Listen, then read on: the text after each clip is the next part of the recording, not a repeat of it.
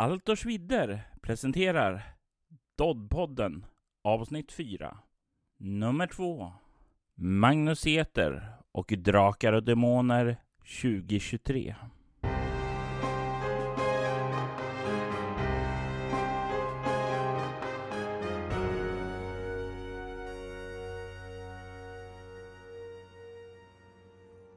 jag var ju inne på karaktärsblad eller rollformulär som det mm. även kallas. Och det finns ju med då. Jag tror det är fem stycken tomma som du kan börja och fylla i och sedan fem stycken pre-renders, eh, alltså färdiga karaktärer. En halvling, en anka, en alv, en människa och ett vargfolk. Det enda som jag kände där saknades var ju en dvärg då. Och det här är ju de här, äh, SL, äh, de här färdiga rollpersonerna som har funnits genom hela, äh, genom hela kampanjen. Som finns mm. i spel, alltså snabbreglerna som finns att ladda ner på nätet. Precis.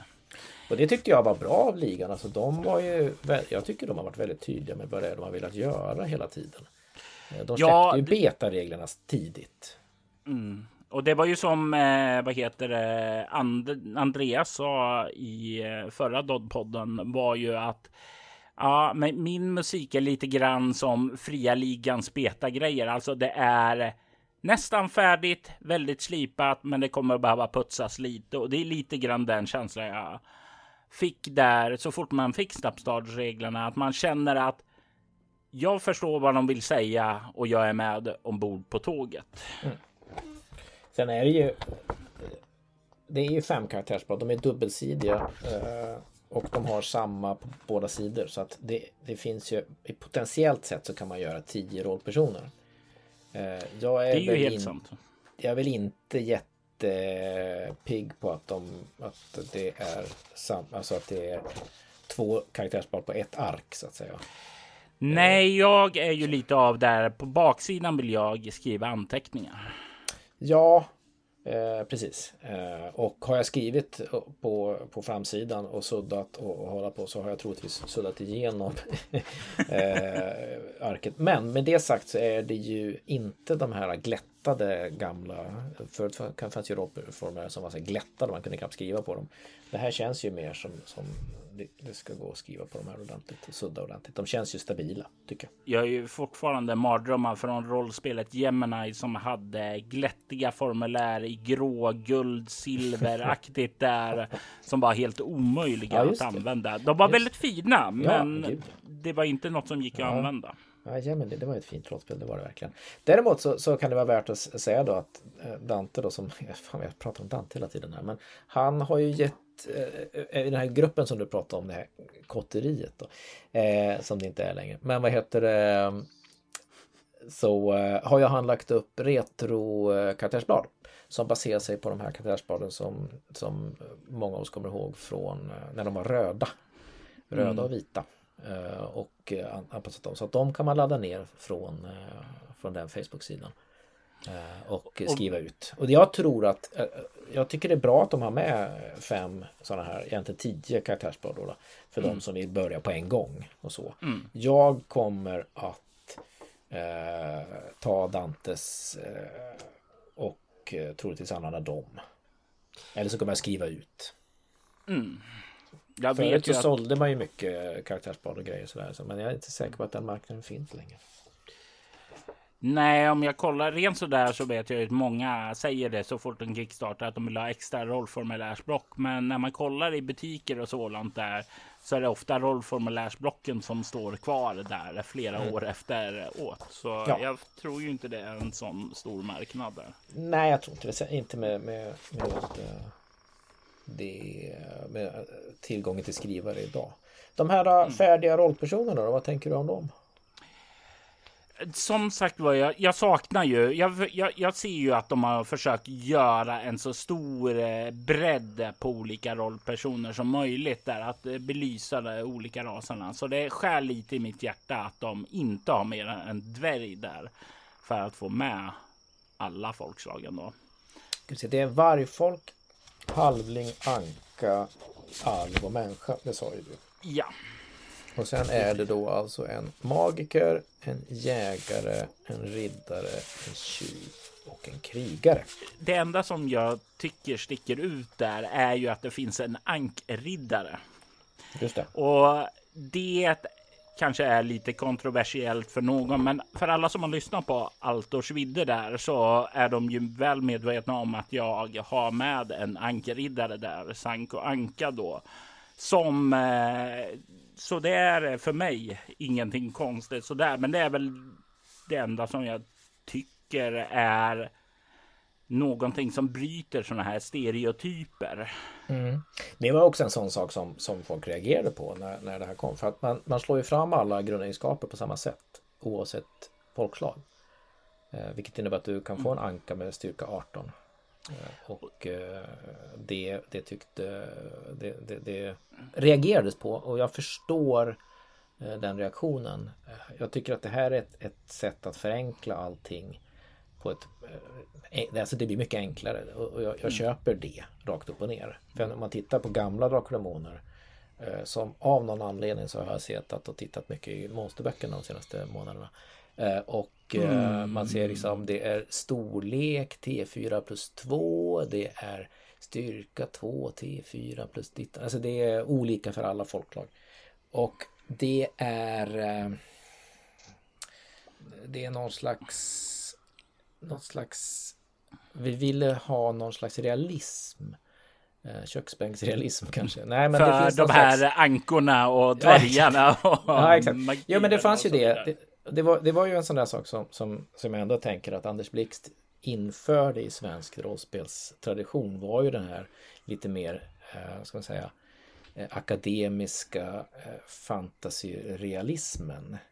Eh, där man mm. skulle klassificera. Jag kommer ihåg, en, jag kommer aldrig glömma det, att, att Rese till exempel. Alla hade ju latinska namn i första måttboken, om du kommer ihåg. Mm. Och då hette ju Resen hette Styganthropus Magnus och det tyckte ju alla var jätteroligt. Så. Eh, och så var det den här storleksgrejen. Och storlek är ju inte kvar. Och det var ju en av de sto stora eh, kontroverserna då, att de droppade storlek. Och jag, jag, kan inte förstå folk som blir så till den milda grad upprörda över det faktum att de har tagit bort storleken och eh, då att de eh, kanslar sin eh, crowdfunder för att eh, det här är ju inte Drakar Demoner, det här är ju Dungeons and Dragons där. Eh, alltså det är en så liten grad för mig. Jag har stört mig, men det ska ju sägas då att eh, jag har stört mig på storlek att den eh, är ett... Ja, den är bökig och den är tråkig på många sätt. Vi har en traditionell bild av dvärgar som farliga krigare. Kommer aldrig hända i Drakar och Demoner för de kommer aldrig få någon skadebonus på grund av storleken är låg. Jag vet ju att vi körde egna husregler på det där till slut. Att dvärgar inte behövde använda eh, stod där tillsammans med Sty utan fick ta Sty gånger två då för att mm. de skulle ha en chans att få skadebonus. Men det. det. är ju sådana där saker som Ja, stör, jag störde mig redan på förr i alltså, tiden då. Ja, alltså det, det finns ju en, en, designmässig problematik med storlekskategorier. Eh, och det vet jag att Drakar har haft det problemet. Warhammer Fantasy Roleplay vet jag har haft det problemet. Eh, och det är det att storlek skalar väldigt dåligt. Eh, så att eh, det funkar rätt bra när man har 3 till 18 och så är det människor, alver, dvärgar, orcher eller hästar eller björnar. Och så ska man plötsligt, okej okay, men den här demonen, okej okay, hur stor den? Ja, storlek 30, vad betyder det egentligen? Är det, är det, är den tre gånger så lång, tre gånger så hög eller väger den tre gånger så mycket? Ja, det vet vi inte. Men vad är en drake då? Ja, men den har storlek 250. Eller ja, mm, vad, vad, betyder det då? Och, och, vad betyder det om någonting är jätte, en jätte kan inte vara svag för den måste vara stor och storlek ger kroppspoäng. Så alltså en jätte måste ha 400 kroppspoäng, det överdriver jag förstås, men en jätte måste ha jättemycket hej, eh, kroppspoäng för att den är per definition stor. Och då blir det knepigt. Och då måste styrkan skala och så måste eh, så mycket annat och så vapenstorlek ska skala och allt ska skala och hitten och ditten. Så att på så sätt så är det en elegant och modig eh, designidé att ta bort storlek. Jag hade aldrig tagit bort storlek. Jag är för fast i nostalgin att jag hade inte ens tänkt tanken att det skulle tas bort en grundegenskap. Det hade inte funnits i mitt huvud. Så, det, jag, kan ju säga att jag är exakt samma sak där. Jag skulle aldrig tagit bort den, men jag är glad att den är borta nu. Mm. Sen så, sen så nu när jag har skrivit lite monster till Fenix så det finns ju en liten utmaning.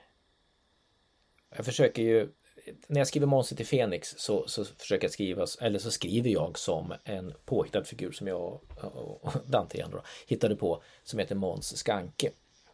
Som är en, en, en monster, eh, han reser, en kunskapare helt enkelt som reser och så skriver jag i hans röst. Och, så och då vill jag ju inte gärna skriva att eh, den här eh, monstret är 2,5 meter lång och väger 35 kilo. Den är alltså smal. Utan jag vill ju skriva att den är ju hög som två eh, manslängder eller två människor som står. Alltså det blir mer omständligt att skriva hur stort någonting är. När man inte bara kan skriva storlek 12 eller storlek 18 eller storlek 22. Det finns, det finns också en viss eh, Ja, poesi, men det finns också en viss utility, eller vad det heter. Det finns, det finns en viss effektivitet i att ha en stat för hur stort någonting är också. Eh, men jag tror inte jag kommer att sakna det. Däremot, däremot så, så, eh, nej vänta, vi pratade om det där med styrka för Ankan. För det var ju mm. att han har styrka 16 och är en riddare. Just det, yeah. det är det, ankor. nu vet ju alla som lyssnar på det här vet ju att ankor är med i Nya Drakar mm. och Men om vi ändå pratar om mitt perspektiv lite grann. Mm. Så har ankor aldrig varit en stor grej för mig. Och det brukar ju folk bli lite förvånade när de hör eftersom jag, det första jag skrev till eh, som ett fansupplement till nya Drakar och Demoner, eh, Drakar och Demoner 6 när Riotman släppte det var ju att jag skrev en pdf om ankor. Yes, eftersom det inte var med då. Precis, med all rätt. För att ankor funkar inte i Trudvagn på samma sätt som de funkar i en lite mer generaliserad eh, Drakar miljö. Nu var ju inte Trudvagn så utvecklat då så att det kändes naturligt att de inte fanns med. Så därför så, ja, men jag skrev något och så, och så fick jag Peter Berting att teckna och sen så, så gav vi ut det. Eh, och det var roligt. Men för mig, den här stora ankgrejen, det, jag förstår inte den. Jag, förstår inte. Eh, jag måste ju fråga då, eh, när du säger att du inte förstår den. För det brukar ju finnas två läger Antingen så är du den som eh, tycker att den är löjeväckande och inte har någonting i spelet att göra. Eller så var det där andra lägret eh, att nej, men de är skitcoola. Du gör ju vad de tillför. det är tillför något och sådant där.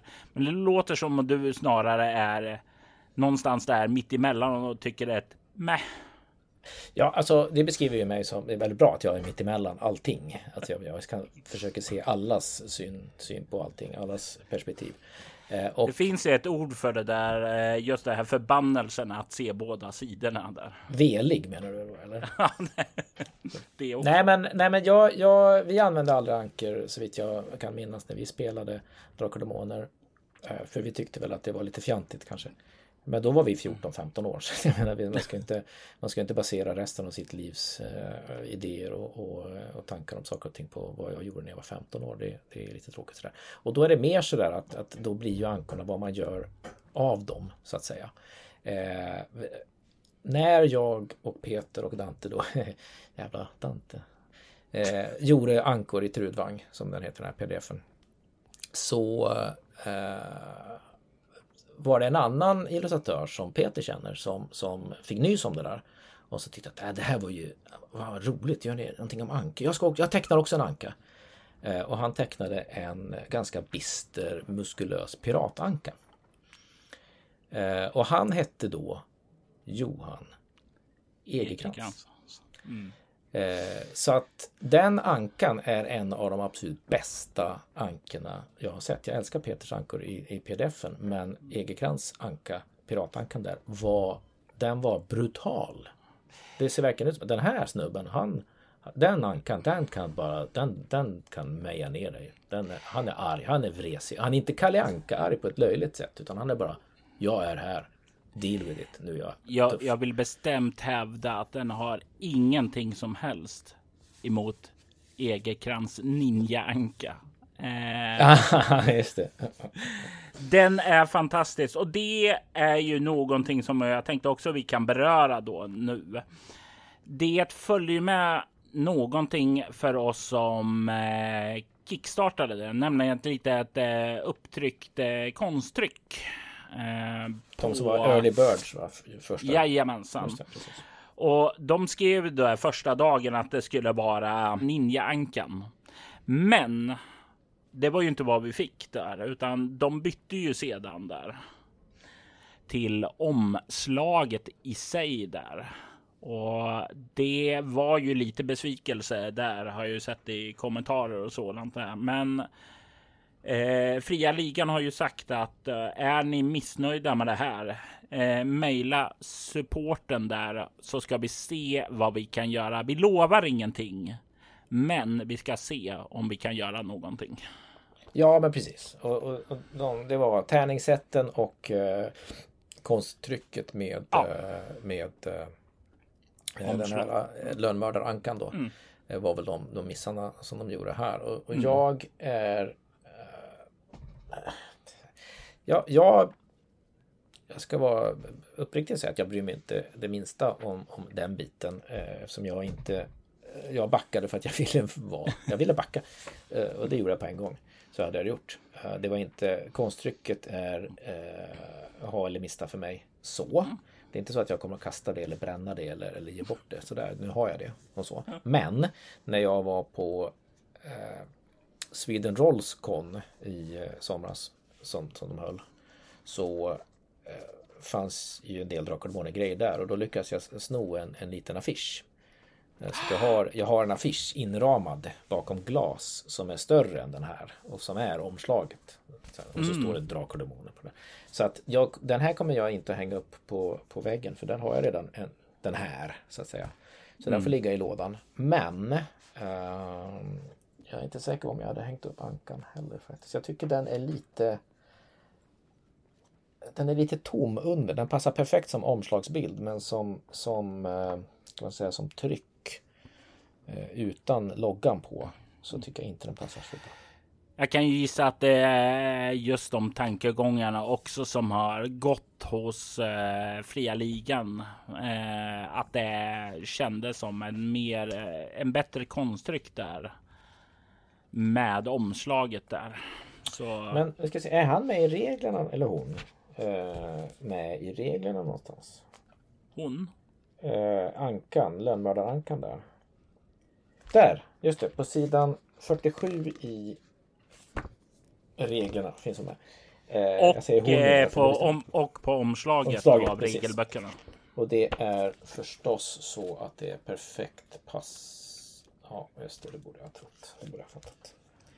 De har en, en, en layout som är rätt noga med detaljerna kan jag säga. Låt oss eh, gissa att hans namn är Dante. Ja, jag kan tro det sådär. Alltså varför jag, jag, han dyker upp så mycket när jag pratar här. Det är för att dels för att han är med i min spelgrupp och dels för att vi har spelat rollspel och gjort rollspel tillsammans i vi har spelat sedan vi var 15 år och eh, det blir snart 40 år och sen har vi gjort rollspel tillsammans sedan vi var 16-17. Så att det är mycket av det jag har gjort där han varit inblandad i på ett eller annat sätt. Och nu gör ju han jättemycket för ligan. Eh, men i alla fall, så anka eller inte, för min del så ja, vill folk spela anka så, så får de det. Eh, jag eh, kommer nog inte att välja det om jag ska skapa en egen rollperson. Men om jag får, det, får en färdig rollperson att spela så gör jag väl det. Men du har väl faktiskt eh, spelat en anka i poddform? Ja, jo jag, spel jo, jag spelade ju eh, eh, Makander eh, från Halvsundet i eh, Sweden Rolls på eh, var det något Drakar. Ja, det var Drakar de hade 40 år på Alfa-spel. Eh, Mm. Då spelade jag Anka. Så det har jag inga, ingenting emot. Och jag börjar nu bli lite mer så här, ja men om folk gillar det så mycket så varför inte? Det är ju roligare att bejaka andras glädje än att eh, vältra sitt eget ogillande över saker Ja, och ting. Det, så tycker jag i alla fall. Sen, sen finns det de som, som finner glädje i att, att påminna oss alla om hur dåligt allt vi gör är.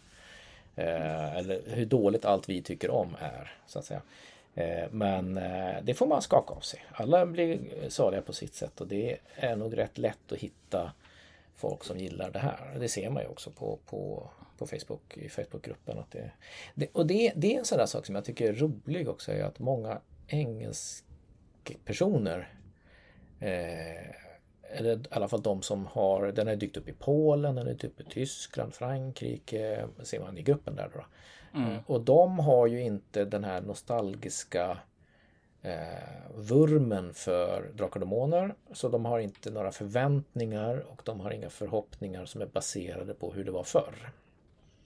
Och många av dem är ju väldigt, väldigt positiva och tycker att det här var ju alldeles utmärkt. Det var ju jättebra. Mm. Och det är ju skojigt det där, för det är ju två helt olika marknader som man går in i då som fria ligan har gjort. Eh, dels har du den här nostalgivurmen eh, hos många svenskar. Men eh, har också många som är helt öppna eh, inför allting där. Det kommer inte vara någon eh, amerikan eller polack där som säger vad fan finns inte storleken med för? Nej, just det. Precis.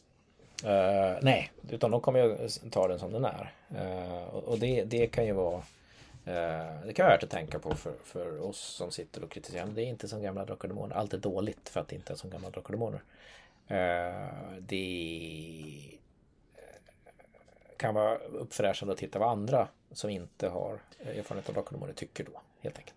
ja, och den eh, nya så- generationen spelare också som kan introduceras där också. Ja, precis. Så är det väl också nu att visst, Dungeons Dragons är ju störst.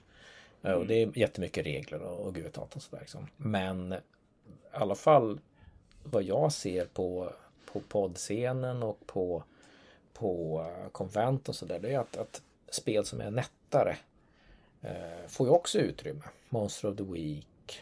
Eh, mycket så här Powered by the Apocalypse grejer. Som är mycket nättare och mindre som folk kan plocka upp och spela lite grann av. Det behöver inte bli deras enda rollspel, men de kan plocka upp och spela någonting annat när de inte spelar Drakar och Demoner. Men det var konstrycket det. Sen har vi ju, Ja, ser jag här också, någonting som vi egentligen borde ha börjat med, men som egentligen, för du och jag kanske inte ens tänker på att det finns. Det finns ju med något sånt här papper som säger Välkommen till Drakar och Demoner. Gör så här. Bestäm vem som ska vara spelledare och skapa rollperson och sätt igång och börja spela sådär. Och det är väl för att man ska fatta som, som helt nybörjare. Okej, vad ska jag göra?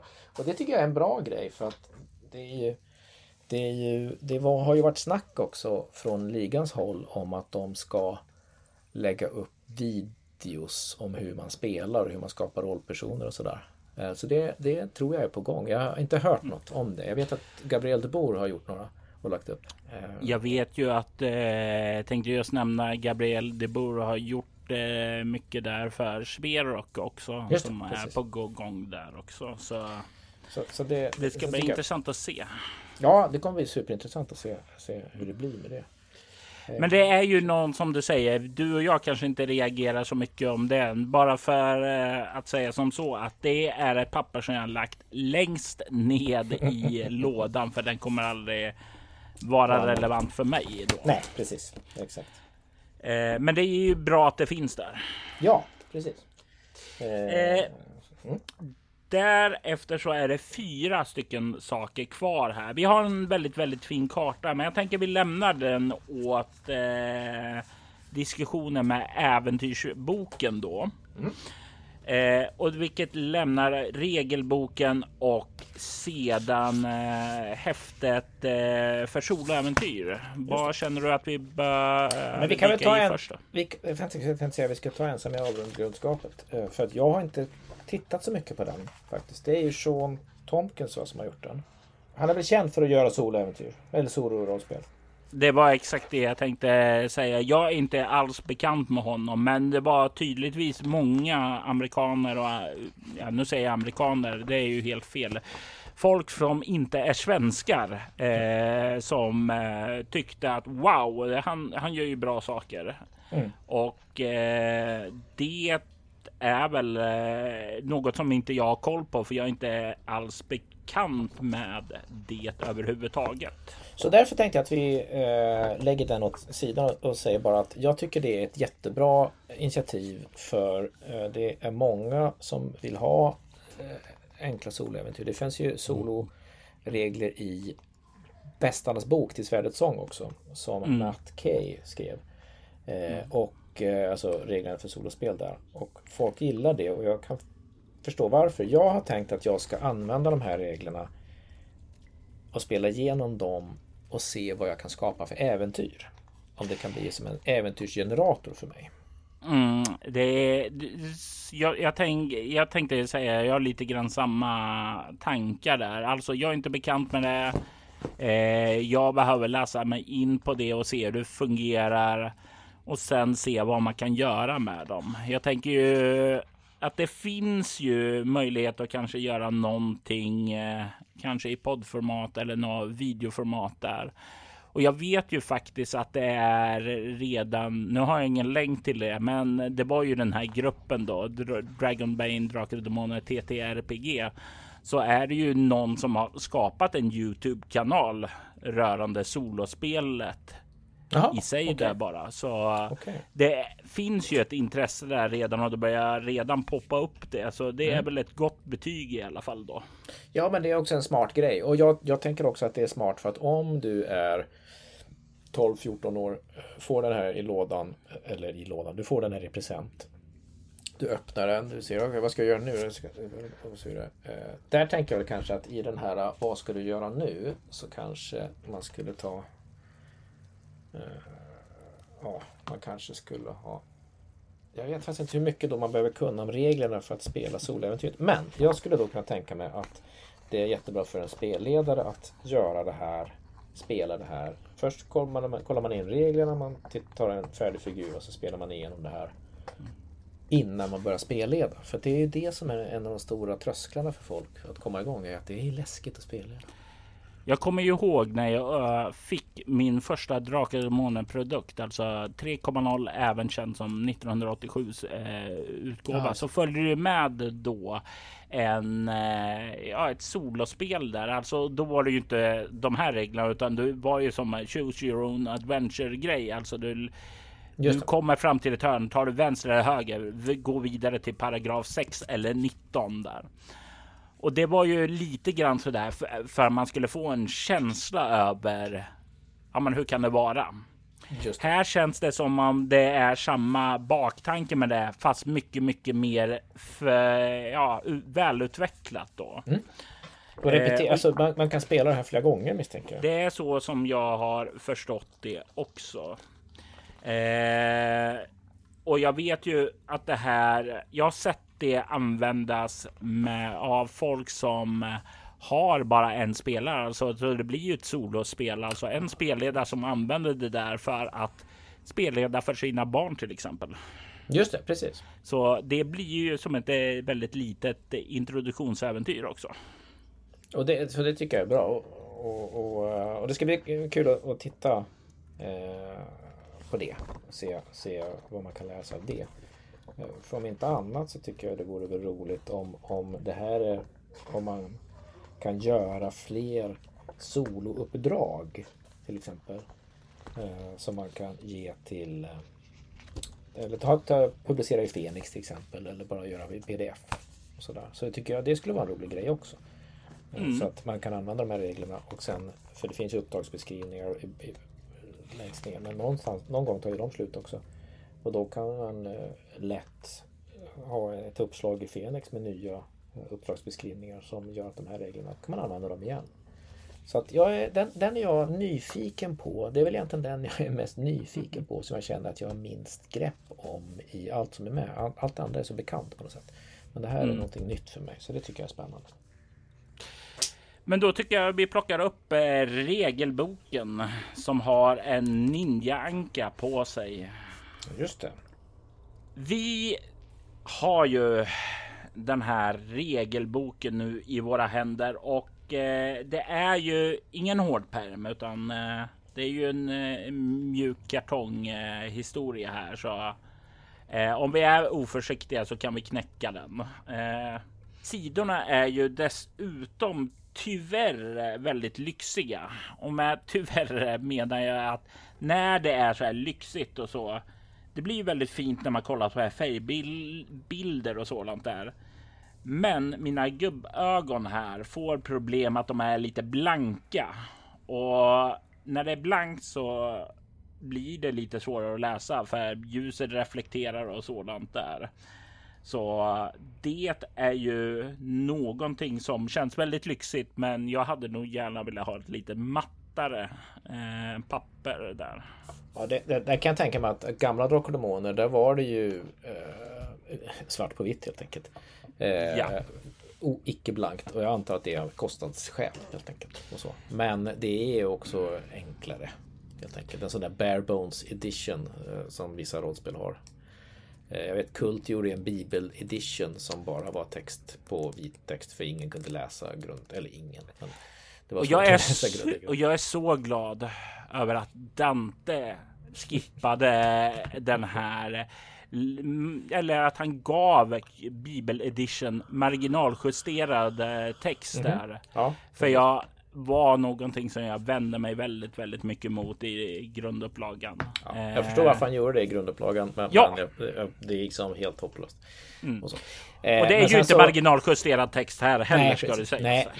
Sen så, vad heter det, så Mörkborg har ju också en pdf man kallar det här som är bara text på, på vit eh, bakgrund. Så att det, det, det, är en bra grej. Mm. Men eh, jag har inte tänkt på det faktiskt, det är himla mycket. Eh, för jag sitter ofta så här lite halvdimmiga miljöer och att försöka då läsa någonting. Alltså, nu är det inte som förr när man satt med stearinljus och sådant där, men det är ju ändå i min lägenhet där vi ofta spelar så är lite halvdunkelt där. Mm. Eh, så det blir ju svårare att läsa för mig när det är mörkt och om man då bara har en ljuskälla som lyser där och sen så blir du lite bländad av det så mm känner jag ändå det. Alltså jag, ska, jag ska ju erkänna då att jag uh, har ju reglerna på pdf på datorn oftast mm. när jag spelar.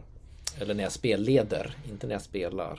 Uh, då, då har jag inte det. Men när jag spelleder då blir datorn min spelledarskärm. Och jag har ju en padda som jag mm. använder av liknande skäl där. Så eh, det klarar jag mig väl därifrån också då. Men annars tycker jag att det, det, du har ju rätt att den är lite glansig sådär. Men annars så, så är den ju eh, Den är ju väldigt Alltså Johan Egerkrans Illustrationer är ju fantastiska. Jag är ju inte ett stort fan av Johan Egerkrans ska ju sägas. Eh, och det känns ju lite grann som att svära i kyrkan där. Mm. Eh, jag var väl väldigt, väldigt eh, ja, jag vill nästan säga negativ inställd när fria ligan utannonserade det hela och bara ja, vi har även Egerkrans bilder från 2016. Just det. Och jag bara.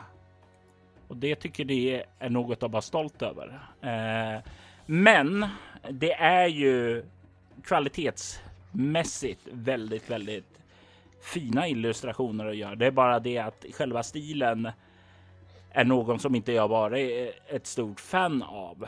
Däremot så finns det ju enskilda illustrationer som jag älskar från början. Vi har ju talat om Ninja Ankan då till exempel där. Eh, men Eh, jag, jag, känner ju ändå nu när jag bläddrar igenom böckerna så känns det lite bättre. Alltså med den här lite glättigare formatet och så, så passar hans, ju, hans illustrationer väldigt, väldigt väl in där. Det blir ju en lyxig bild och det är ett sammanhållet tema på illustrationerna. Vi har ju, ja, vi har nämnt Niklas Brandt också, men vi har ju även Anton Vitus eh, som har gjort eh, karaktärspor karaktärsporträtten i äventyrsboken, alltså som håller en liknande stil. Så det går ju väldigt bra ihop där. Så... Anton är ju fantastiskt duktig. Han har illustrerat flera av mina artiklar till uh, Fenix. Mm. Så att uh, han är väldigt duktig och väldigt lätt att, att bolla saker med.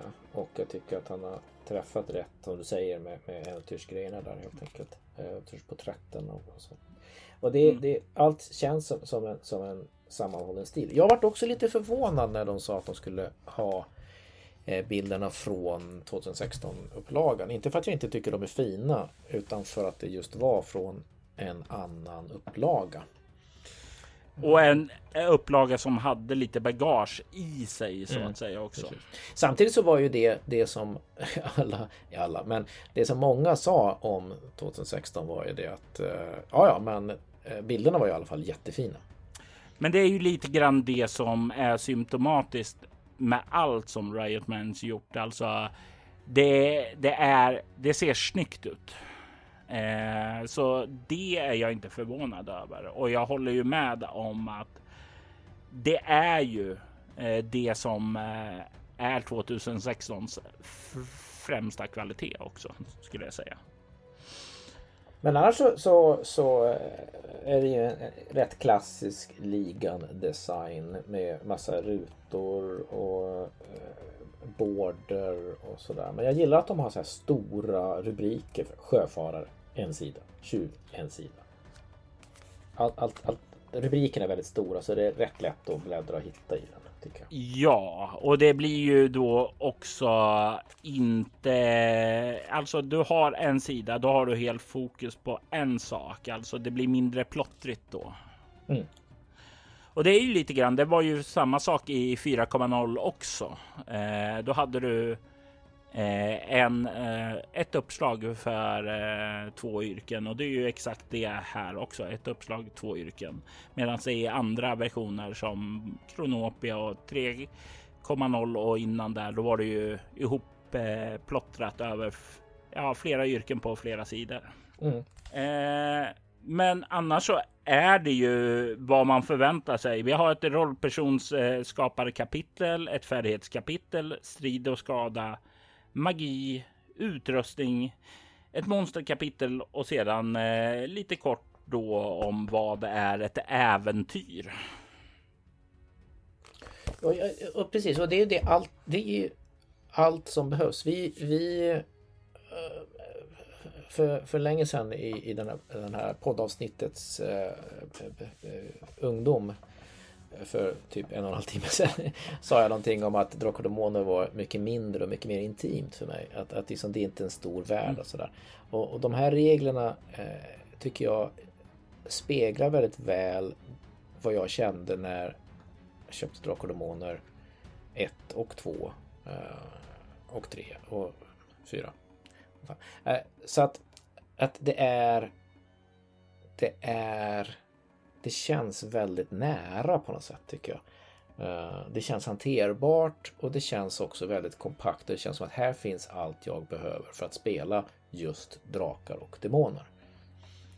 Sen kanske mm. det, folk hade velat haft, eh, som är mer vana vid Dungeons Dragons, hade velat haft fler utvecklingsmöjligheter och mer, som är mer nivåer av, av förmågor och färdigheter och vet, allt sånt där. Liksom. Men det är inte det Drakar och Demoner är för mig. Och det är ju någonting som vi ska ha i åtanke. Det här är ju fortfarande startboxen. Det är ju inte expert som vi sitter med här nu där det är massor med färdigheter, och olika mer tillval och sådant det här, utan det är ju riktat mot en ny målgrupp som ska kunna komma in i det på ett enkelt sätt där. Så om vi överöser den med massor med val så motverkar vi ju det den målgrupp som vi vill bygga upp där och få in nya spelare och sådant där. Mm. Och jag, Men... jag tänker också för, för oss som, som är gamla stötar så det är ändå en ny take på, på systemet eller på, på grundtankarna och så. Och då kan det vara bra för oss, eller för mig som, som äh, gammal i gamet att okej, okay, men det ska inte vara för mycket helt enkelt. För då kanske jag tröttnar också och tappar intresset. Men jag tycker ändå det finns en hel del eh, små sådana här tillval där. Eh, om vi kollar det här att vi har ju när vi väljer först och främst en eh, ras då. Eh, så får vi så ser du här. Det, ett släkte eller vad fan heter Släkte, så är det. Och nu ser du här. Det är så lätt att falla tillbaka, för det kallas ju ras förr då. Ja, exakt. Eh, men ordet. Jag säger är... folkslag, för det heter det i svärdets sång, tror jag. Yes. Eh, släkte ja. som sagt var. Vi börjar ju välja släkte och då får vi ju ett val där. Alltså vad ska vi vara? Och varje har en förmåga eller i ankornas fall två. Eh, och sedan så kan vi slå eller välja för namn och epitet och sådant där. Om du är ny så är det ju roligt att slå fram. Du kan ju slumpa väldigt mycket mm. på så sätt. Sedan ska du välja ett yrke. Eller återigen, du kan slumpa det också. Eh, och då har du ju då att du väljer färdigheter och sådant där. Eh, du kan ju köra också att du väljer din hjälteförmåga och det finns ju ett antal där. Eh, det, du måste ju inte ta eh, den hjälteförmågan som står där, utan det är ju lite grann av en frivillig regel att välj vad du vill. Och då har du ju också mm, valmöjligheter. Du slumpar fram ägodelar eh, och eh, och här är epitetsnamnen ser jag nu då.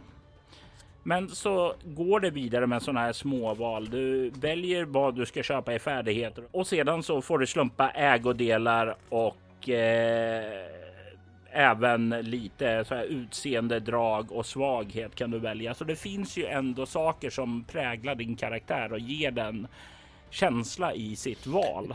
Ja, precis. Och, och jag är ju en sån här förtappad rollspelare som, som uh, tycker att det viktigaste är hur du spelar din rollperson, inte vad som står på karaktärsbladet. Nu sa jag karaktärsblad, rollpersonsformuläret. Eh, ja, karaktärsbladet sa vi när vi var små.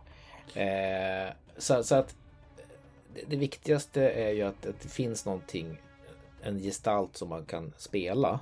Eh, och det, det, är lätt och pedagogiskt presenterat också tycker jag. Eh, jag personligen när jag har prövat det här, då fastnar jag alltid i att när jag slår slumpmässigt så, så får man typ så här man luktar illa eller, eller man är lättkränkt eller sådär. Och då blir jag så här, nej men det vill inte jag spela. Så då blir det att jag väljer. Mm. Och det är ju... Jag... Och det ser jag inte som något fel där. Alltså, nej. det finns ju där för om du absolut inte vet det så kan du komma till ett spelmöte, göra din karaktär, slå fram det och sedan Jaha, så jag blir en eh, manodepressiv eh, anklädd man som har ett eh, familjesvärd som eh, specialutrustning som hjälper mig att återhämta mig snabbare. Mm. Okej, okay, vad är det här för story jag kan bygga utifrån det här kring den här rollpersonen? Just det. Uh, men, men sen är det också att jag, jag försöker väga den här mycket mot och det är väl en, det är en intressant egentligen filosofisk diskussion som man kan ha på olika eh, sätt och nivåer. Men jag väger den här upplagan av Drakar och Demoner mot version 2. Så att när jag säger så här, okej, okay, men hur var Drakar och Demoner för mig? Vad jämför jag med? Då jämför mm. jag med två, den svarta lilla boken. Och så. Jag älskar det den. Ja. Det intressanta för mig är ju att jag utgår ju från 4,0 egentligen märker jag det för jag spelar väldigt mycket expert och sådant där. Väldigt lite eh, 3,0 mm. eftersom när jag lärde mig rollspel 1990 då så hade jag haft den här första boxen tidigare. Och den sommar jag lärde mig det här köpte jag då direkt enhörningszonet och expertreglerna. Så det blev ju expertreglerna som jag började använda och spelleda med. Så det är ju där eh, vid den eran fram till 4,0 eh, där som sitter mest i mig till skillnad från den som du utgår från. Ja, men precis. Och jag är ju, jag är ju så gammal i, i, i huvudet så att jag räknar, jag jämför inte ens med expert. Nej. Utan för mig är det liksom, det, för mig, Drakar och Demoner för mig, det var svarta lådan version 2. Det, var, det är för mig den kvintessentiella, essentiella Drakar och Demoner. Eh, allt som kom efter var bara försök att, att eh, göra det mer komplicerat och mer krångligt. Och de tog bort hundrasidiga tärningen och började slå med T20 i expert. Vad är det för hittepå liksom? Procenttärningar, så ska det vara. Tycker jag. Eh, men... Känner du dig kränkt nu att du fick en T20 istället för en T100? Ja, jag fick två T20, jag är dubbelkränkt. Eh, vilket är, kan vi se nu, det är svaghet nummer tre på tabellen. Svagheter, jag är lättkränkt. Nej men eh, vi har också sett då att det finns ju de som, som verkligen, verkligen, verkligen hoppades att det här skulle bli expert. Mm. Fast med egekrantsillustrationer. Mm. Och de jämför då med expert som hade betydligt mer eh, det här realistiska. komplexa regler. Ja, lite mm. mer realistiska, pseudorealistiska, mm. framtidsrealistiska eh, med, med, med, olika saker. Eh, och då, då blir man nog besviken tänker jag. Men mm. om man jämför med 91 den som du kallar fyran är det va? Mm.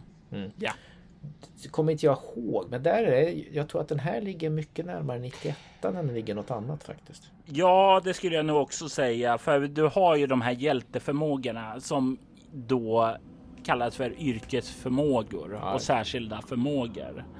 Och det såg ju folk direkt som bara, ah nej, det har det. Det är ju inte riktiga drakar och demoner, alltså under eh, crowdfunder och sådant där. Men jag tycker ändå att just de här hjälteförmågorna som man kan välja mellan, alltså det tillför spelet någonting. Det ger ju rollpersoner ett drag som sticker ut på något sätt samtidigt som du får en möjlighet att faktiskt använda din psyke då. Eftersom psyket i det här genererar viljepoäng. Förr var det ju bara magiker som använde det i expert till exempel. Mm. Eh, I 4.0 och Kronopia så var det ju en del särskilda förmågor och yrkesförmågor som också använde psyke. Men här är det ju verkligen en resurs som du vill använda för dina förmågor. Ja, precis. Och det är väl, men, men samtidigt så är det väl där som, som jag kan tänka mig att väldigt erfarna rollspelare som, som är vana vid mycket mer möjligheter till kustomisering av, av rollpersonen tycker att det blir lite för lite eh, valmöjligheter i den här baslådan.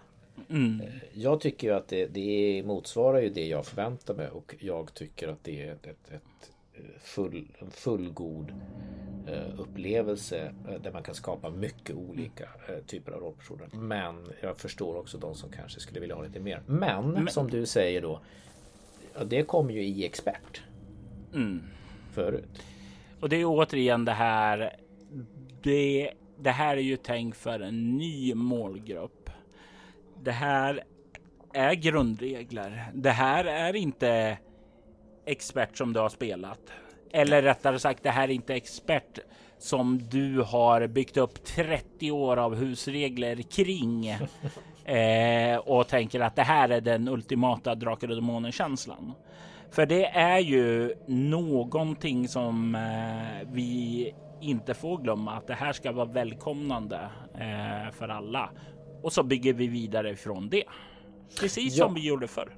Precis, exakt. Och, och det ser man ju också liksom, nu när, när eh, som, du, som du sa tidigare här med kreativiteten bubblar hos folk. Och, och, det finns väl egentligen ingenting som har hindrat den här kreativiteten från att få utlopp i andra spel. Det finns ju en öppen licens för Dungeons Dragons som man kanske inte vill använda numera då.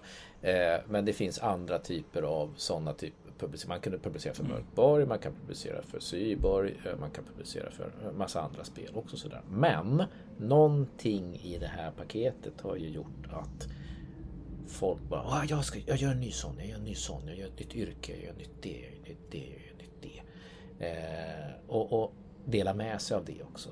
Och jag tycker det det är så roligt att se det. Och det är också ett sätt att få mer valmöjligheter för folk. Sen vet ju jag att det finns ju alltid de som kritiserar spel för att de innehåller inte det de vill från början och sen accepterar de inte att någonting att man husreglar eller att man kör tredje part eller någonting utan allt måste vara perfekt från början. Och de kommer man ju aldrig göra nöjda. Och det är ju en sak man eh, bör vara medveten om. Det går aldrig att tillfredsställa alla och försöker man att tillfredsställa alla så kommer alla att bli missnöjda. Eh, men om vi kollar lite grann på det här så ser vi ju också det här med att det är en grundreglerna och sådant där. Så har vi ju till exempel magiskolor som äh, finns med och en del eh, sa, har ju sagt så här, men det är bara animism, mentalism och elementar magi. Det är varför har de bara tagit med dem? Men om man kollar till exempel på 4,0 då så är det bara de tre mm. magiskolorna. Och om man kollar tillbaka till din tid 2,0 då fanns det inte ens magiskolor. Nej. Utan då var det bara besvärjelser. Ja. Eh. Nej, precis.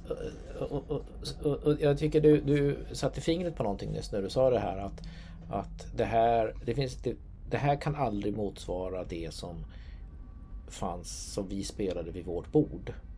Eh, för eh, eh, vi hade lagt till artiklar från Sinkadus, vi hade lagt till segment i rundor ett tag hade vi det. När MUTANT 2 kom med segment och vi, sen tyckte vi det var för jobbigt och vi gjorde ditter och vi gjorde datter och så vidare. Och, så vidare. och att då öppna en sån här box och förvänta sig att den ska motsvara allt det där. Det känns, det känns som att man inte ger reglerna en chans. Utan man har liksom satt upp en jättehög ribba som skulle eh, som den skulle hoppa över. Och när den inte hoppar över den orimligt höga ribban då blir man jättebesviken. Och jag tycker det är lite det är synd. Jag, jag, jag, jag gör säkert så själv också. Eh, men, men, jag tycker det är alltid synd när, när om, en, om man tittar på en, en sån här produkt utifrån vad man trodde att det skulle vara och inte utifrån vad det faktiskt är och faktiskt vad den har sagt att den ska vara. Och precis, och det ska vi vara väldigt, väldigt noga med att eh, jag tyckte ju fria ligan var väldigt, väldigt tydliga med eh, vad det skulle vara. Det var inte som de sa en sak och gav oss någonting annat där, utan vi har fått exakt det som jag tyckte de förmedlade under crowdfunden. Ja, jag, jag, jag, tänker väl också det. Och så här i efterhand så har jag funderat på det. Men visst var det så att vi fick en beta under Kickstarten? Jajamensan. Precis. Så Faktum att, var alltså, att den var tillgänglig att ladda ned och så att vi kunde kolla innan vi ens började backa den. Ja, jag för mig, den, den liksom, du och jag backade väl direkt ändå, men, men ja. jag tänker att den fanns ju en snabbstartsregler som man bara kunde ladda hem och kolla ungefär vart är det här på väg. Mm. Eh, och så att där tycker jag de, de var väldigt, väldigt tydliga. Och om man nu tycker att det här motsvarar inte vad jag förväntade mig, då har man ju på något sätt hoppats att ligan skulle ändra sig. Alltså, ligan säger det här, men jag hoppas att det blir något helt annat och så hoppas jag in i det sista att det ska bli någonting annat än vad de säger att det ska bli. Och så blir jag mm. besviken när det inte blir det jag hoppades att det skulle bli. Och det har man ju all rätt att bli. Mm. Men det känns också lite sådär, men då har man ju inte då har man ju låtit sina förhoppningar styra förväntningarna på ett sätt som inte motsvarar det som sägs. Ja, mm. Vi ska inte gräva ner oss i det där tänker jag. Men, men vad heter det? Det, det, det är ändå, det är ändå en, en, en, en sak som jag tänker ligan måste ju ha suttit ner och verkligen pratat järnet hur mycket som helst om det här med vad är Drakar och Demoner? Vad är det egentligen? Och som du säger, de har ju speltestat det här med olika grupper av, inte bara av sig själva och sina kompisar, utan du var ju som sagt var inne på, vi ser ju till exempel Helmgast och andra eh, erfarna eh, spelförfattare som har liksom bara inne här i speltest och bidragit, hjälpt till och kommer med feedback och sådant. Så här är ju, alltså det känns ju väldigt, väldigt solitt till skillnad från eh, tidigare versioner då. Eh, jag kanske väl främst då tänker på Riot Minds, men även eh, till viss del tillbaka till Target Games tiden där också. Mm. Sen så tycker jag, alltså, och det tycker jag var fantastiskt, när jag, när jag hörde det att de liksom de blandade in Krille eh, Christer Sundelin då, Mark och andra människor. Krille han har ju gjort flera varianter av Basic Role Playing och har verkligen, verkligen tänkt på vad är det som funkar och hur ska man undvika tennismatcher och hur ska mm. man undvika eh, slå, parera, slå, parera, slå, parera, ducka, slå, parera, ducka. Allt det där. Liksom. Mm. Och det tycker jag var så skönt att, att liksom de tog vara på, fasta på det och, och förde in den erfarenheten i hela systemet och bygga det hela. För att jag, jag, ska, jag ska väl vara ärlig och tänka att ibland så att jag tänkte men gud varför tar det så lång tid? Det är bara att, det är bara att skriva om version 2 så är det klart. Men de ville göra någonting annat, någonting som är mer modernt och någonting som funkar bättre. Och det, och det kan ju säga att det som du tog upp är ju en sån där sak. Alltså många frågar, men varför får du inte en extra handling med skölden så du liksom har någon användning av det? Och det är någonting som jag det känns väldigt, väldigt annorlunda då att det inte blir en extra handling för det så att du kan parera med den och använda. Men samtidigt så blir det så här. Det är så himla skönt att slippa de här pingpongmatcherna som du just nyss beskrev. För det är ju en sak som släpar med de gamla reglerna. Att det kunde, en strid kunde hålla på länge just för det här. Missa, slå, parera, skydd. Mm. Nej, inte igenom och sen så ja. Upprepade sig betydligt mycket längre än vad som jag skulle tycka var roligt idag. Ja, ja, gud. Och jag tyckte inte det var så himla roligt då heller. Och eh, jag kommer ihåg när vi test, speltestade eh, Ridders Rös då när jag spelade effekt. Då, då fastnade jag i lite gammalt tänk så att den striden där i i Riddersrös slutstriden där. Den tog jättelång tid och vart lite så här pingpong. Eh, nu tror jag att jag skulle vara mycket mer nu när jag förstår reglerna bättre så skulle jag nog kunna göra den snabbare. Sådär. Just också eftersom monster autoträffar. Mm. Och det är ju sådana där små saker. Vi kan ju gå in lite på det. Alltså, det är ju mm, antagonister som du ställer sig emot kan vara i två format här. Antingen så har du spelledarpersoner och det fungerar ju ungefär som en vanlig rollperson och hur du körde saker och ting förr. Det som däremot är nytt är monster och deras monsterattacker där. Och om jag förstår rätt här så är det någonting eh, som eh, vi tidigare sett i Svärdets sång. Ja, eh, år 0-motorn som, som ligan utvecklade då för MUTANT, Svärdets sång, Twilight 2000, Blade Runner, Alien. Så. Eh, I alla fall i MUTANT och Svärdets sång så har monster då alltså monsterattacker. Så man slår en tärning för att bestämma vilket, vilken attack som väljs från en tabell.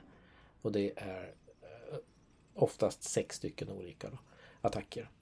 Och eh, i det som skiljer till exempel Svärdets sång från Drakar och Demoner det är att i Svärdets sång så är inte monsterattackerna autoträffar. Utan där slår man en tärningspöl med grundtärningar. Och så man får ofta säga monstret eh, slår dig med en stor gran.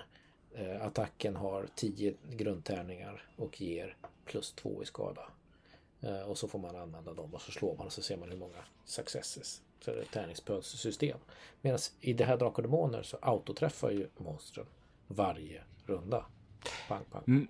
Men du har valet att ducka eller parera ifrån dem. Precis. Som... Men, och då är det tillbaka till det där med att om du då anfaller, då får du inte ducka och inte parera. Och det blir ju ett intressant avvägande tycker mm. jag. Och det var ju någon som skrev det och jag har inte tänkt så mycket mer på det men han skrev att eh, det är egentligen inte så himla svårt. Om du vinner initiativet så anfaller du. Förlorar du initiativet så, så parerar du. Mm. Eh, ja. Och, och, så kan man ju tänka liksom att ja men eh, om, om för att om nu duckar ju och nu parerar inte monster så, där, så att de tappar handlingar på det sättet. Men, men om man vet att man kommer att kanske få en autoattack på sig då eh, väntar man, då, då parerar man och så använder man sin tur på den. Liksom, eh, till parera. Och så får de andra anfalla istället när monstret har gjort sin grej. Men samtidigt, monstret kan ju ha en, två, tre eh, upp till tre eller upp till fem handlingar. Många kan ha. De kan ha x antal handlingar i alla fall. Mm. Eh, ett troll har till exempel två handlingar. eller handlingskraft heter det då. Eh, ska se vad en drake har. Den har tre i handlingskraft, vilket innebär att den gör tre sådana här attacker per runda. Aldrig samma attack två gånger i rad. Mm. Och det är väl den stora nya grejen. Och jag reagerade eh, negativt första gången som jag eh, tänkte på det här. Jag bara, Nej, men det där är, så är ju svärdet som. Det, det tycker jag inte om. Men eh, nu efter att ha skrivit några monster till Fenix så är jag helt frälst. Alltså. Jag tycker det är så jäkla bra. Det som jag gillar med det är ju just monsterattackerna, sex stycken som de har. Men det är ju inte bara en attack. Det är ju ett sätt att visualisera en strid också. Alltså hur agerar monstret? Alltså det är inte bara ja, men hugg. Den gör 2 T6 i skada. Det kan ju vara så här. Den drar upp en stormvind med eh, vapnet som den eh, snurrar runt så fort omkring sig och alla måste slå ett smidighetsslag för att inte slungas iväg bort härifrån. Så det kan ju användas för att skapa ordentliga liksom eh, scener av episk kvalitet med de här monsterattackerna också. Ja men det, precis och, och, och det, det, det jag upptäckte när jag eh, hade skrivit två eller tre monster till Fenix nu då. Så var det någon som frågade i gruppen på Facebook då. Ja, men om man ska göra en ogre. Eh, hur skulle man göra det? Och så skrev jag ihop en snabb på fem minuter. Eh, och det var då jag insåg just det här med att jo, men istället för att skriva i beskrivningen att ja, ogren har en tjock ölmage så gör man ölmagen till en attack. Mm. Och då har plötsligt beskrivningen flyttats från en, en torr beskrivning om att den är så stor, och den är tjock och den är så och den och den, så där, till att vara en del av en mekanisk eh, del av monstret som används i spel och som är rolig. Mm. Det är mm. roligt när ogren pangar folk med sin stora mage. Liksom. Eh, eller det är roligt när jätten sliter upp ett träd och dunkar eh, äventyrarna i huvudet med eller sveper så att de ramlar omkull. Alltså det är roliga scener, precis som du säger. Och det blir så det blir ju så mycket lättare att visualisera än att säga den river dig eller den slår sig med sitt svärd då. Du kan få in en annan varians och det blir lätt även för nybörjare liksom börja förstå hur det kan se ut också. Mm. Och det är också, det är också, och det, det vet jag inte. Nu har jag hört att de har ju lånat en del från OSR-grejer sådär. Men en sak som med Dungeons Dragons 4 när det kom så fanns det eh, någonting i, i det som där de i monsterböckerna efter ettan eller tvåan, jag tror det var i tvåan eller trean de började med det. Då, då sa de, skrev de så här, monster har de här förmågorna. Runda ett gör den det här, runda två gör den det här, runda tre gör den det här. Därför att de flesta rundorna höll på i fem runder max. Mm. Så då kunde den lika gärna hjälpa spelledaren då att säga vad det är den gör. Istället för att spelledaren ska sitta och bara, ah, vad är bäst? Sådär. Nej men det här är strategin. Pang, pang, pang, pang, pang. Du kan ändra det om du vill, men det här är vanligaste strategin. Pang, pang, pang, pang. Mm. På samma sätt så är det här ett lätt sätt för spelledaren bara. Den behöver inte bestämma. Ja, vad gör den nu som är bäst? Utan den slår en T6 och sen, ja den där. Och sen mm. kanske den slumpar vem den anfaller och sådär. Men, men det finns någonting som händer. Ofta kan det påverka flera rollpersoner också. Så jag gillar verkligen det med monsterattacker. Först var jag skeptisk, eh, men nu är jag eh, helt såld på det. Och det tillsammans med specialförmågor tycker jag gör det möjligt att beskriva monster väldigt på, på ett mycket mer spännande och dynamiskt sätt. Om man tittar i gamla Drakar och Demoners monsterbok så stod det någonting om monstret, något kort om monstret och sen stod det vad den hade för styrka, karisma, bla bla bla, storlek. Och sen stod det att han hade två attacker, ett med svärd och, så, och sen var det klart. Det var ju lite grann som en skolbokpresentation, eh, en skolbokspresentation av ett monster. Så här ser det ut. Det här lever den. Så här eh, fungerar den i vardagen. Eh, det här är dess naturliga fiender. Här är statsen. Ja, och jag älskade det. Det var ju fantastiskt och, och många älskade det. Men nu när jag skriver nya monster så är det så mycket roligare att skriva monsterattacker för det ger så mycket mer smak eller känsla för monstret. Sen så är det så att när man skriver monster till Drakar och Demoner nu eh, så är det också svårare att, att få in lite mer komplexa grejer. Jag har testat lite grann saker, men hur skulle en vampyr funka då?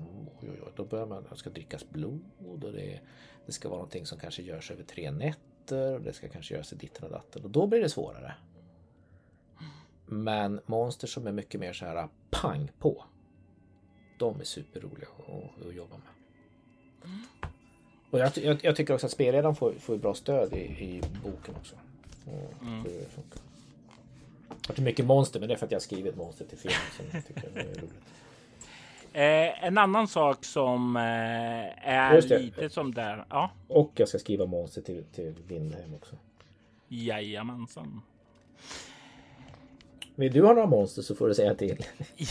Jajamensan. Eh, vi vet ju vem som är monsterexperten. Så när det blir dags, dags för Askera att komma ut där så ja, då hör jag av mig. Ja, jättebra. Om inte jag eh, säger det så är det ingen annan som säger det. Så därför tjatar jag om det. Nej, vad tänkte du säga? Jag tänkte säga som så att det är ju en annan sak som eh, sticker ut lite här, men ah. inte så massivt som man kanske kan tro, men lite grann då som jag vill beröra och det är ju.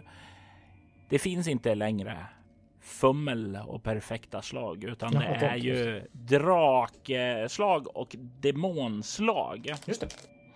Och det är ju lite annorlunda där för mig som eh, växte upp med experter att du ska slå. Om du får en etta eller 20 så ska du slå igen mm. för att se om det blir ett fummel istället för ett misslyckande och sådant. Här med draktärningar och demontärningar så är det ju mer pang på rödbetan. Slår du en där så då är du redan inne där. Eh, förutom vid specialregler som fördelar och nackdelar. Då. Precis. Men, så där, eh, där har vi, jag, jag, tycker det är roligt du, du tar upp det, för när du, när du tänkte, ja, då, då, det finns en sak som sticker ut. Ja, just det, det måste ju vara läkning och vila. Och sen så började vi prata om, nej, och då, okay, då, var då var det demonslag och drakslag. Ja, det är ju rätt, det sticker ut. Och då började vi prata om fördel och nackdel. Ja, det är också någonting. Och då måste vi börja prata om att pressa slag. Och då måste vi börja prata om tillstånd. tillstånd. Och, och, samtidigt där tror jag kedjan tar slut. Att där, mm. det är de stora grejerna. Att man har tillstånd som man kan få genom att genom attacker eller om man väljer att pressa ett slag, vilket innebär att man får slå om ett slag. och det är ju en väldigt modern eh, regeldesign i Precis. nutida spel där. Ja. Och de tillstånd, har man ett tillstånd som till exempel, vad heter de nu? Ska vi se vad står Det är ett per, eh, per grundegenskap. Så man kan vara utmattad, krasslig, omtöcknad, arg, rädd eller uppgiven. Och om man har det, då får man inte pressa slag som har med det, den grundegenskapen att göra. Mm. Och det innebär, vad innebär det någonting för demonslag och drakslag? Nej, kanske inte gör.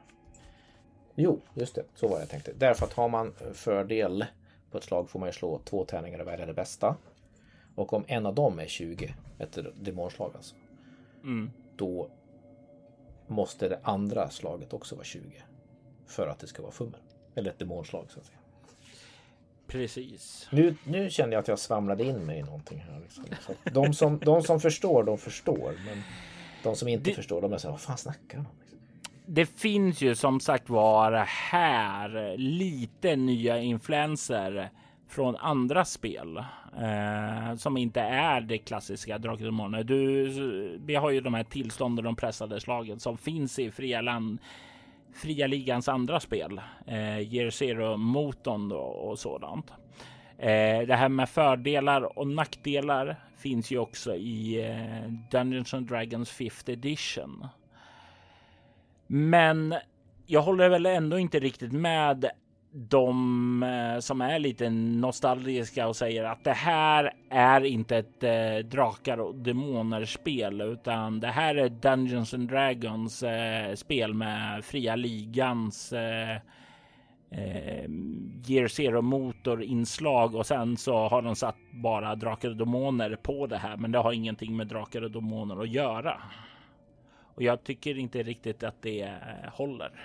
Nej, jag håller ju inte med om det alls. Eh, jag är ju också av uppfattningen att den som, den som äger varumärket får göra vad den vill och så får den säga vad den vill och så, så blir det så.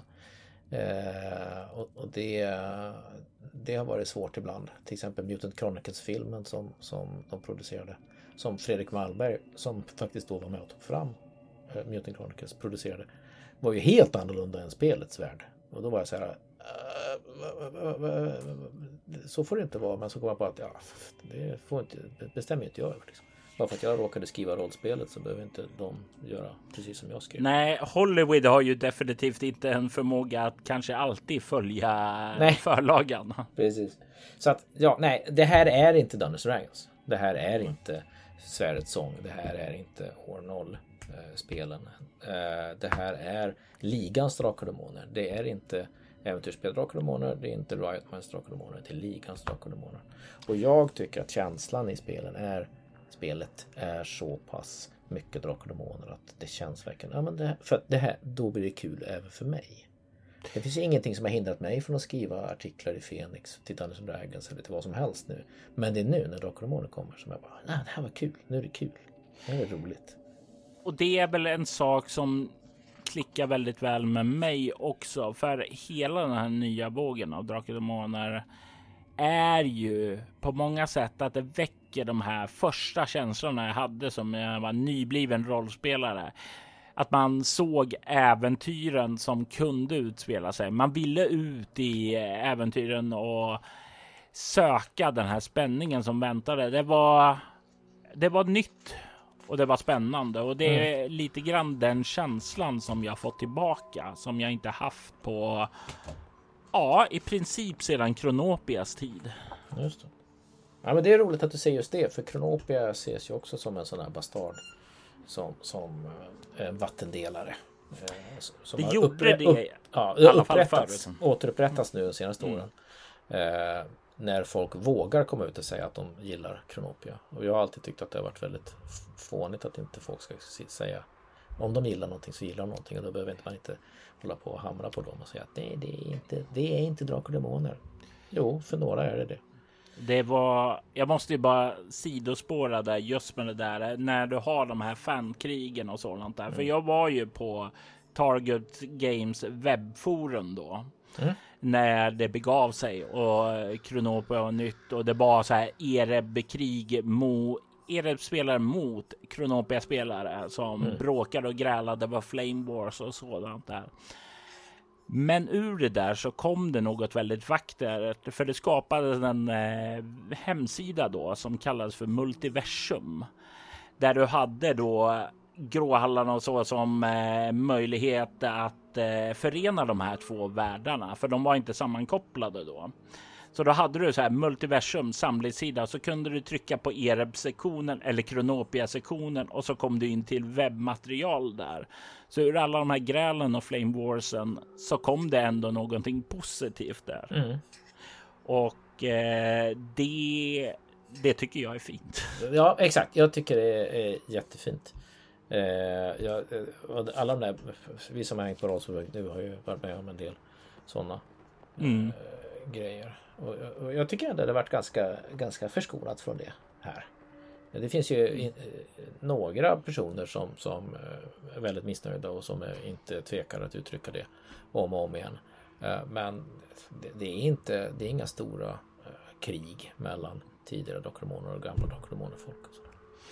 Nej, och de har ju fått många av eh, folk som var med för är ju ändå i en position där de tycker att det här är spännande och nytt. Många som vill testa med sina barn och liknande också. Ja, men precis. Exakt. Så det, det är en kul grej. Eh, nej, jag, jag gillar ju det här fördel och nackdel att man kan pressa slag till exempel. Det, det tycker jag är en rolig grej och det, det har jag gillat med eh, Svärdets sång när vi har spelat det. Mm. Här är det mycket enklare. Här om du pressar så får du uh, en, ett tillstånd på, den, på valfri uh, grundegenskap. Grundegenskap, precis.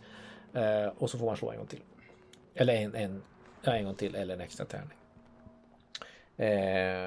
och har man fyllt upp alla tillstånd på alla grundegenskaper då får man inte pressa slaget längre. Så det finns ju en, en, en gräns. Men då kommer vi till det här som kanske är det mest kontroversiella av allting. Mm. Vila och skada. att eh, nu kommer inte jag ihåg exakt hur det var med gamla Drakar och Demoner men det finns någon slags sån här myt om att det tog så 12 veckor att hela en hitpoints. Nu överdriver jag, men det, det finns sån här. Äh, men vart man skadade drakar och demoner, då låg man hemma i, i, Då var man inte ute och äventyrade två dagar senare, utan då jäklar, då var det tufft. Eh, och det, och det var ju ja. betydligt mycket tuffare förr än här. Ja, precis.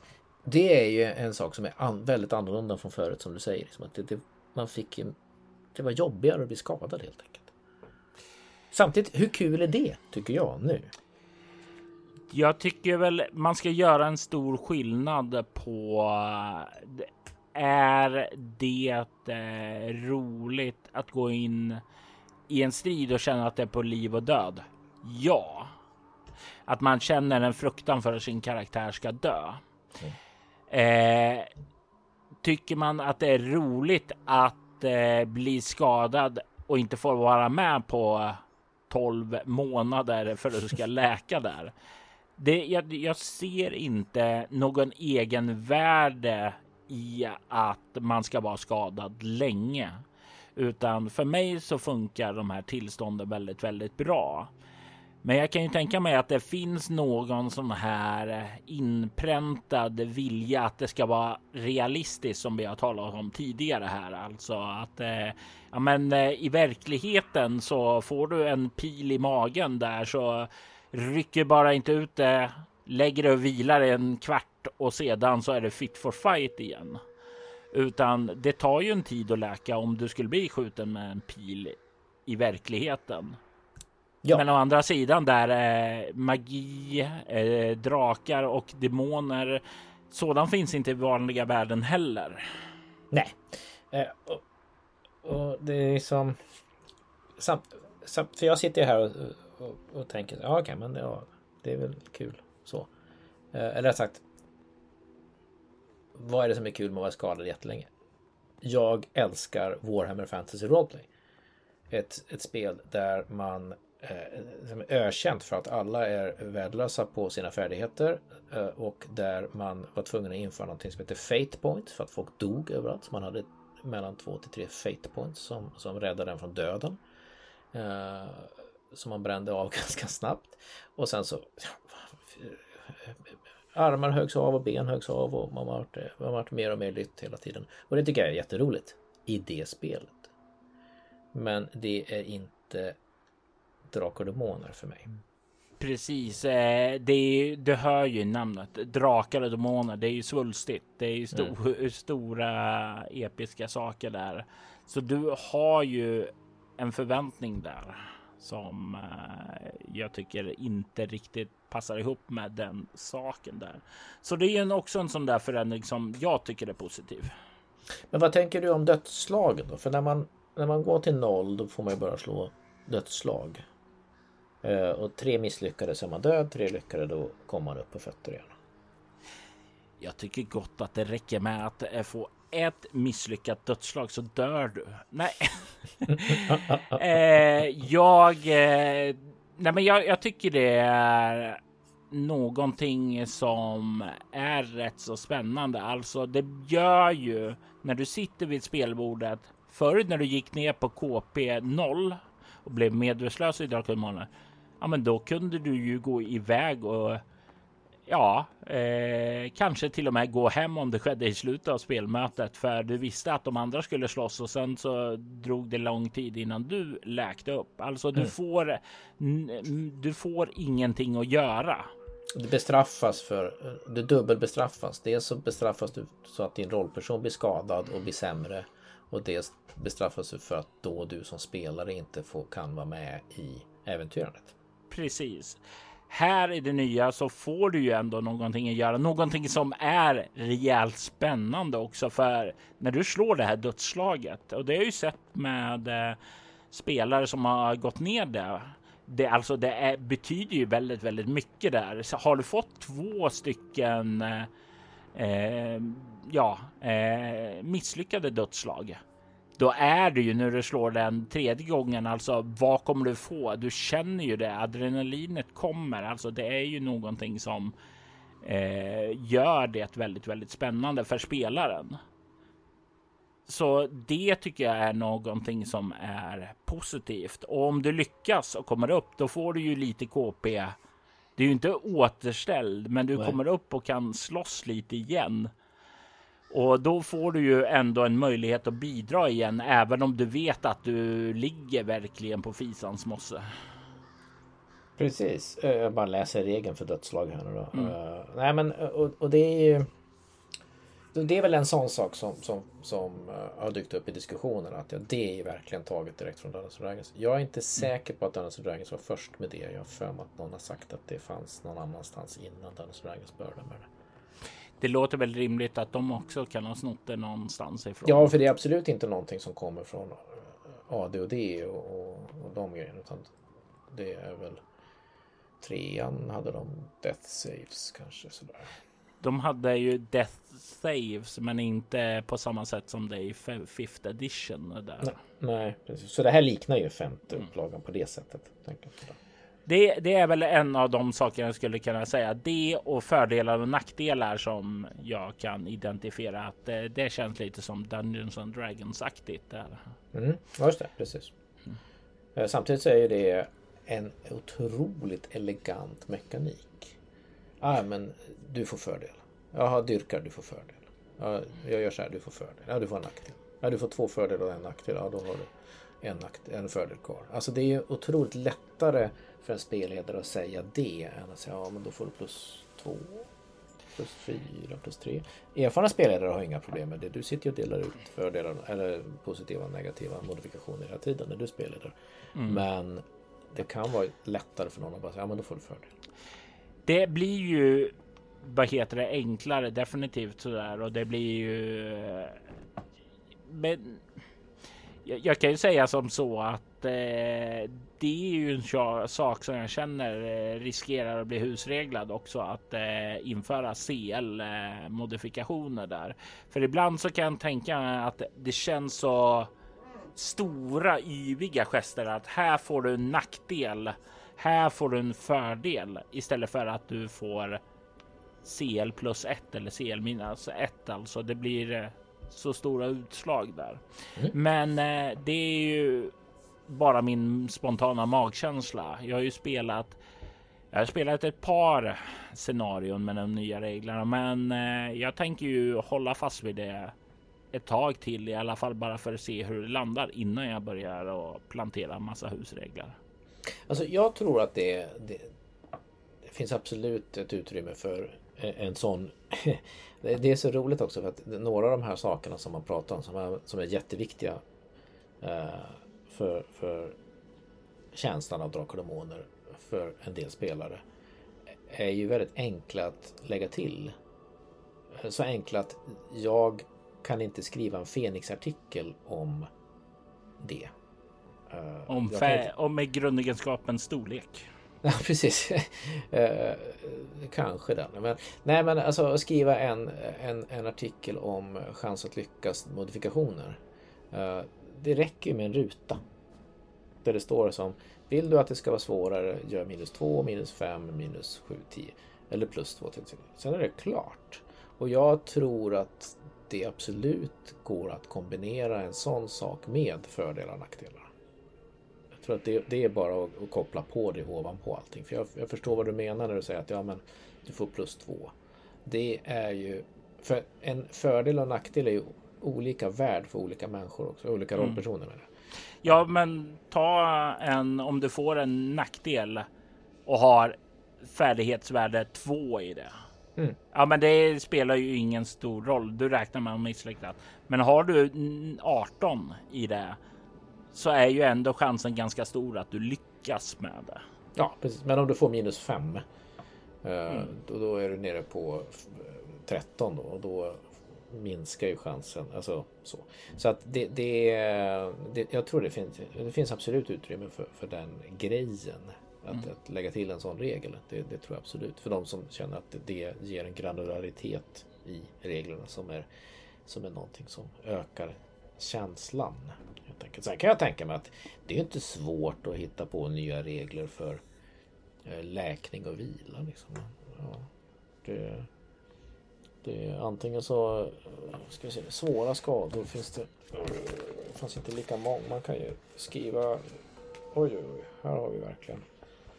Eh, uh, Fenix-artikel som bara väntar på att bli skriven är Uh, svåra skador. Uh, jag kan ju säga som så att eh, nu när jag spelar leder här för eh, Altors vidder då så är det ju så skojigt när spelare slår perfektslag med sina attacker låter ju de ofta då slå ett eh, slag på kritiska skador i krigens handbok och det mm. blir ju väldigt, väldigt blodigt då. Det blir liksom en extra effekt där och det är ju sådant som absolut skulle kunna läggas till. Ja, precis. I. Och det är ju rätt lätt att skriva massvis med sådana såna tabeller. Absolut sadisten i mig tycker att det är jätte, jättelätt. uh, så, men, men, men det är väl annars just det där med, eh, jag vet, som du säger, tillstånd, pressarslag, eh, dödsslag och sen att man läker snabbt. Alltså man kan ta en stående vila och få tillbaks alla viljepoäng. Eller? Snabb vila. Du hämtar andan i en runda och återgår T6 viljepoäng och inga kuppspoäng. Du kan utföra en snabb vila en gång per skift. Alltså det är det enda. En kort vila, då tar du bort... Bara K. Ett tillstånd. Ja, kort vila får du bort en tillstånd också, precis. Mm. Och under lång vila så tar du bort alla tillstånd. Och det här är ju någonting som de tweakade lite under eh, betatestandet också, så jag är inte ja. helt färsk där. Men eh, jag tycker ju mycket av den här kritiken som har invänts mot reglerna, det är ju sådant som är väldigt, väldigt lätt att införa husregler mot och det tycker jag inte är ett skäl att hoppa över spelet. Nej, alltså, eller, jag ska säga så här att, att om det är någon som uh, vad heter det, någon som uh, verkligen, verkligen älskar eh, expertdrakar och demoner så tycker jag att det är nog bättre att spela expertdrakar och demoner än att försöka modda nya drakar och demoner till att bli gamla expert. Det känns ju som en rimlig grej och jag tror ju att det blir väldigt, väldigt enkelt för den spelledaren som troligtvis har hållit på väldigt, väldigt länge också att bara höfta sakerna i de nya äventyren som kommer att komma. Alltså det går ju utan större problem skulle jag säga att använda eh, Drakkejsarens återkomst till exempel ja. eh, i expert. Ja, ja, ja, gud ja, absolut. Det finns ju och det är ju som, som jag vet. Nu är jag inte, jag, jag är inte bekant med alla ligans planer. Jag vet att de har en eh, roman på gång som ska ett äventyr och jag vet också att de har eh, så vitt jag vet ska de göra Ärans väg. Mm. Eh, som tydligen har fyra delar. Då. Har jag lärt mig då. Eh, ja, men eh, de eh, två sista är ju inte skrivna av Undhage utan det är bara de första delen. Döda skogen Precis. och Maktens portar som är skrivna av honom. Vad jag typ... förstått är ju att eh, det här skulle inkludera hans ursprungliga avslutning också där. Ja, precis. Uh, och samtidigt så ser jag inte att det finns några som helst svårigheter att plocka upp jag skulle plocka de här reglerna och sen bara köra äventyren rakt av så tror jag att det skulle funka rätt bra. Det enda som kan gnissla lite är ju att du inte har några monsterattacker och sådant där. Men det går ju fortfarande att köra dem som vanliga spelledarpersoner då. Ja, precis. Eller så. Uh, nu försöker jag på. Har inte jag Döda skogen framför mig, men jag vet att Minotaur finns ju där. Så finns det. Alltså det finns ju monster med. Alltså det är bara att byta ut med dem i, i boxen. Kanske... I de fall de finns, ja. Ja, i de Absolut. fall de finns. Precis, exakt. Uh, men det mm. tror jag nog ligan kommer att göra någonting åt snart. Eller jag tror de har till och med sagt så på Gotcon att de höll på med en monsterbok. Tror jag. Men nu har vi talat en hel del om reglerna och jag är positivt överraskad. Jag tycker att det känns som det är väldigt mycket trevligt här. Eh, det är lite det är förenklat och mer strömlinjeformat på många, många sätt där.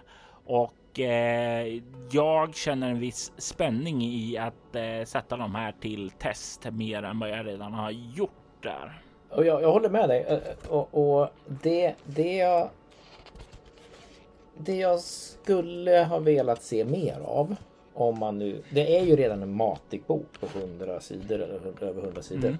Men jämfört med till exempel Svärdets sång så är ju utfärderna är ju lite eh, grundläggande så att säga.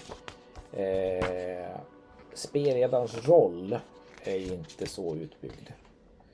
Och sen skapa äventyr är ju några sidor som hade kunnat vara mer. Men eh, jag känner att hade de lagt skulle de lägga så mycket tid på det att de kapitlen blev matiga. Då tror jag det handlar om 30-40 sidor. Alltså. Och jag tror ju att det hade blivit så matigt där så hade det också kunnat skrämma iväg nybörjare ja, också. Ja. I det fjärde avsnittet av Doddpodden så går Robert Jonsson och Magnus Säter igenom Fria Ligans eh, Drakar och Demoner version som släpptes 2023. Introt var copyright-fri musik medan musiken i avsnittet gjord av Tabletop Audio. Tabletop Audio finner du i länken till detta avsnitt. Söker du efter fler poddar i liknande stil som Allt och Schidder rekommenderar vi Soloäventyret där vi spelar skräck och science fiction och Valor Chronicles där vi får följa en nybliven vampyr i en värld av mörker. Du hittar mer information om båda poddarna på bortom.nu. Du kan följa oss på Instagram och Facebook som Allt och vidare eller Spela Bortom. Det går även bra att mejla oss på info.bortom.nu. Vill du stödja Roberts fortsatta kreativa skapande kan du göra det på patreon.com snedstreck Robert Jonsson. De som backar får tillgång till material i form av extra poddar. Jag är Robert Jonsson. Tack för att du har lyssnat. Vi vill ta tillfället i akt att tacka, hylla och hedra våra Patreon-backare. Ty Nilsson Daniel Pettersson, Daniel Lans och Morgan Gullberg. Ert stöd är djupt uppskattat. Tack!